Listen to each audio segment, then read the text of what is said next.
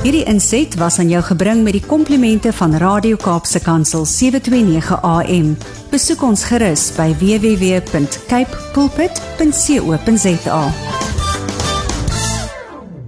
Dag sê almal. My naam is Erika de Tooy vanaf die Wes-Kaapse Vereniging vir persone met gestremthede. Ek is 'n kollega van Fanie de Tooy en sal voortaan hierdie gesprekke behartig. Kom ons gesels oor die uitdagings van persone met gestremthede. Deur my werk met gestremdheid, besef ek al hoe meer hoe min die deursnee persoon van gehoor weet. So vandag gesels ons oor Wêreldgehoordag wat op 3 Maart gevier was. Die Wêreldgesondheidsorganisasie het hierdie bewusmakingsdag geskep om bewustheid te skep rondom die belangrikheid van ons gehoor en om die oorsake van gehoorverlies te probeer verminder.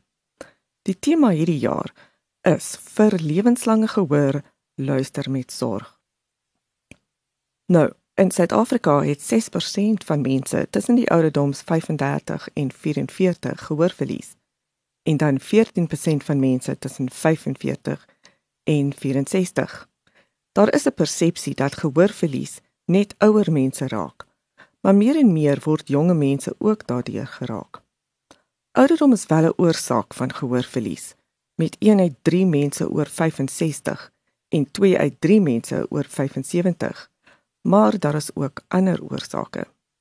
Die realiteit in Suid-Afrika is dat die grootste oorsaak van gehoorverlies akoestiese trauma is wat verantwoordelik is vir 33.7% van gevalle. Meestal as gevolg van harde klanke soos musiek en dis meer. Ons onthou seker almal toe ons jonk was hoe ons ma's altyd gekla het oor die radio wat hard was en gevra, "Wil jy doof word?" Ja, sy het geweet dat harde klanke na ernstige gehoorverlies kan lei. Miskien nie onmiddellik nie, maar wel wanneer ons ouer word.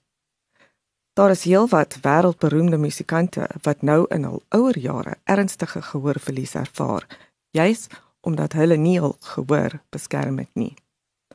Die goeie nuus is dat akoestiese trauma tot 'n groot mate verhoed kan word. So wat kan ons doen om ons gehoor te beskerm? Nommer 1 is ons kan die tydstuur wat ons ore aan geraas of harde klanke blootgestel is beperk. Dis ter verstaande dat as die klank nie daar is nie, kan skade nie aangebring word nie. Skakel die volume sagter indien moontlik, maar indien nie, gee elke 15 minute vir u ore 'n breek. Luister musiek eerder deur luidsprekers as deur die klein earbuds, soos hulle dit in Engels noem. Hier verwys ek na selfone wat ons kinders gebruik om musiek en video's te luister. Hierdie moet nooit harder as 50% gestel word nie en die tydsduur moet nie langer as 15 minute wees nie.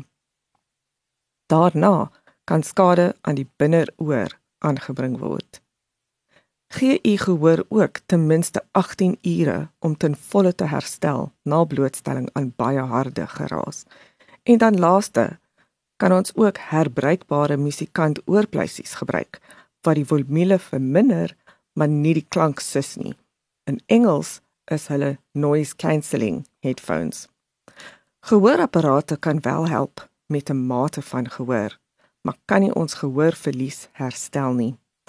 So laat ons almal ons gehoor beskerm sodat ons lewenslank kan hoor. Dis alwaarvoor ons nou tyd het. Volgende week kyk ons na wat ons te doen staan as ons vermoed ons het gehoor verlies. Stuur gerus enige navrae aan my by awareness@wcapd.org.za of skakel my kantoor by 021 355 2881. Hierdie inset was aan jou gebring met die komplimente van Radio Kaapse Kansel 729 AM. Besoek ons gerus by www.cape pulpit.co.za.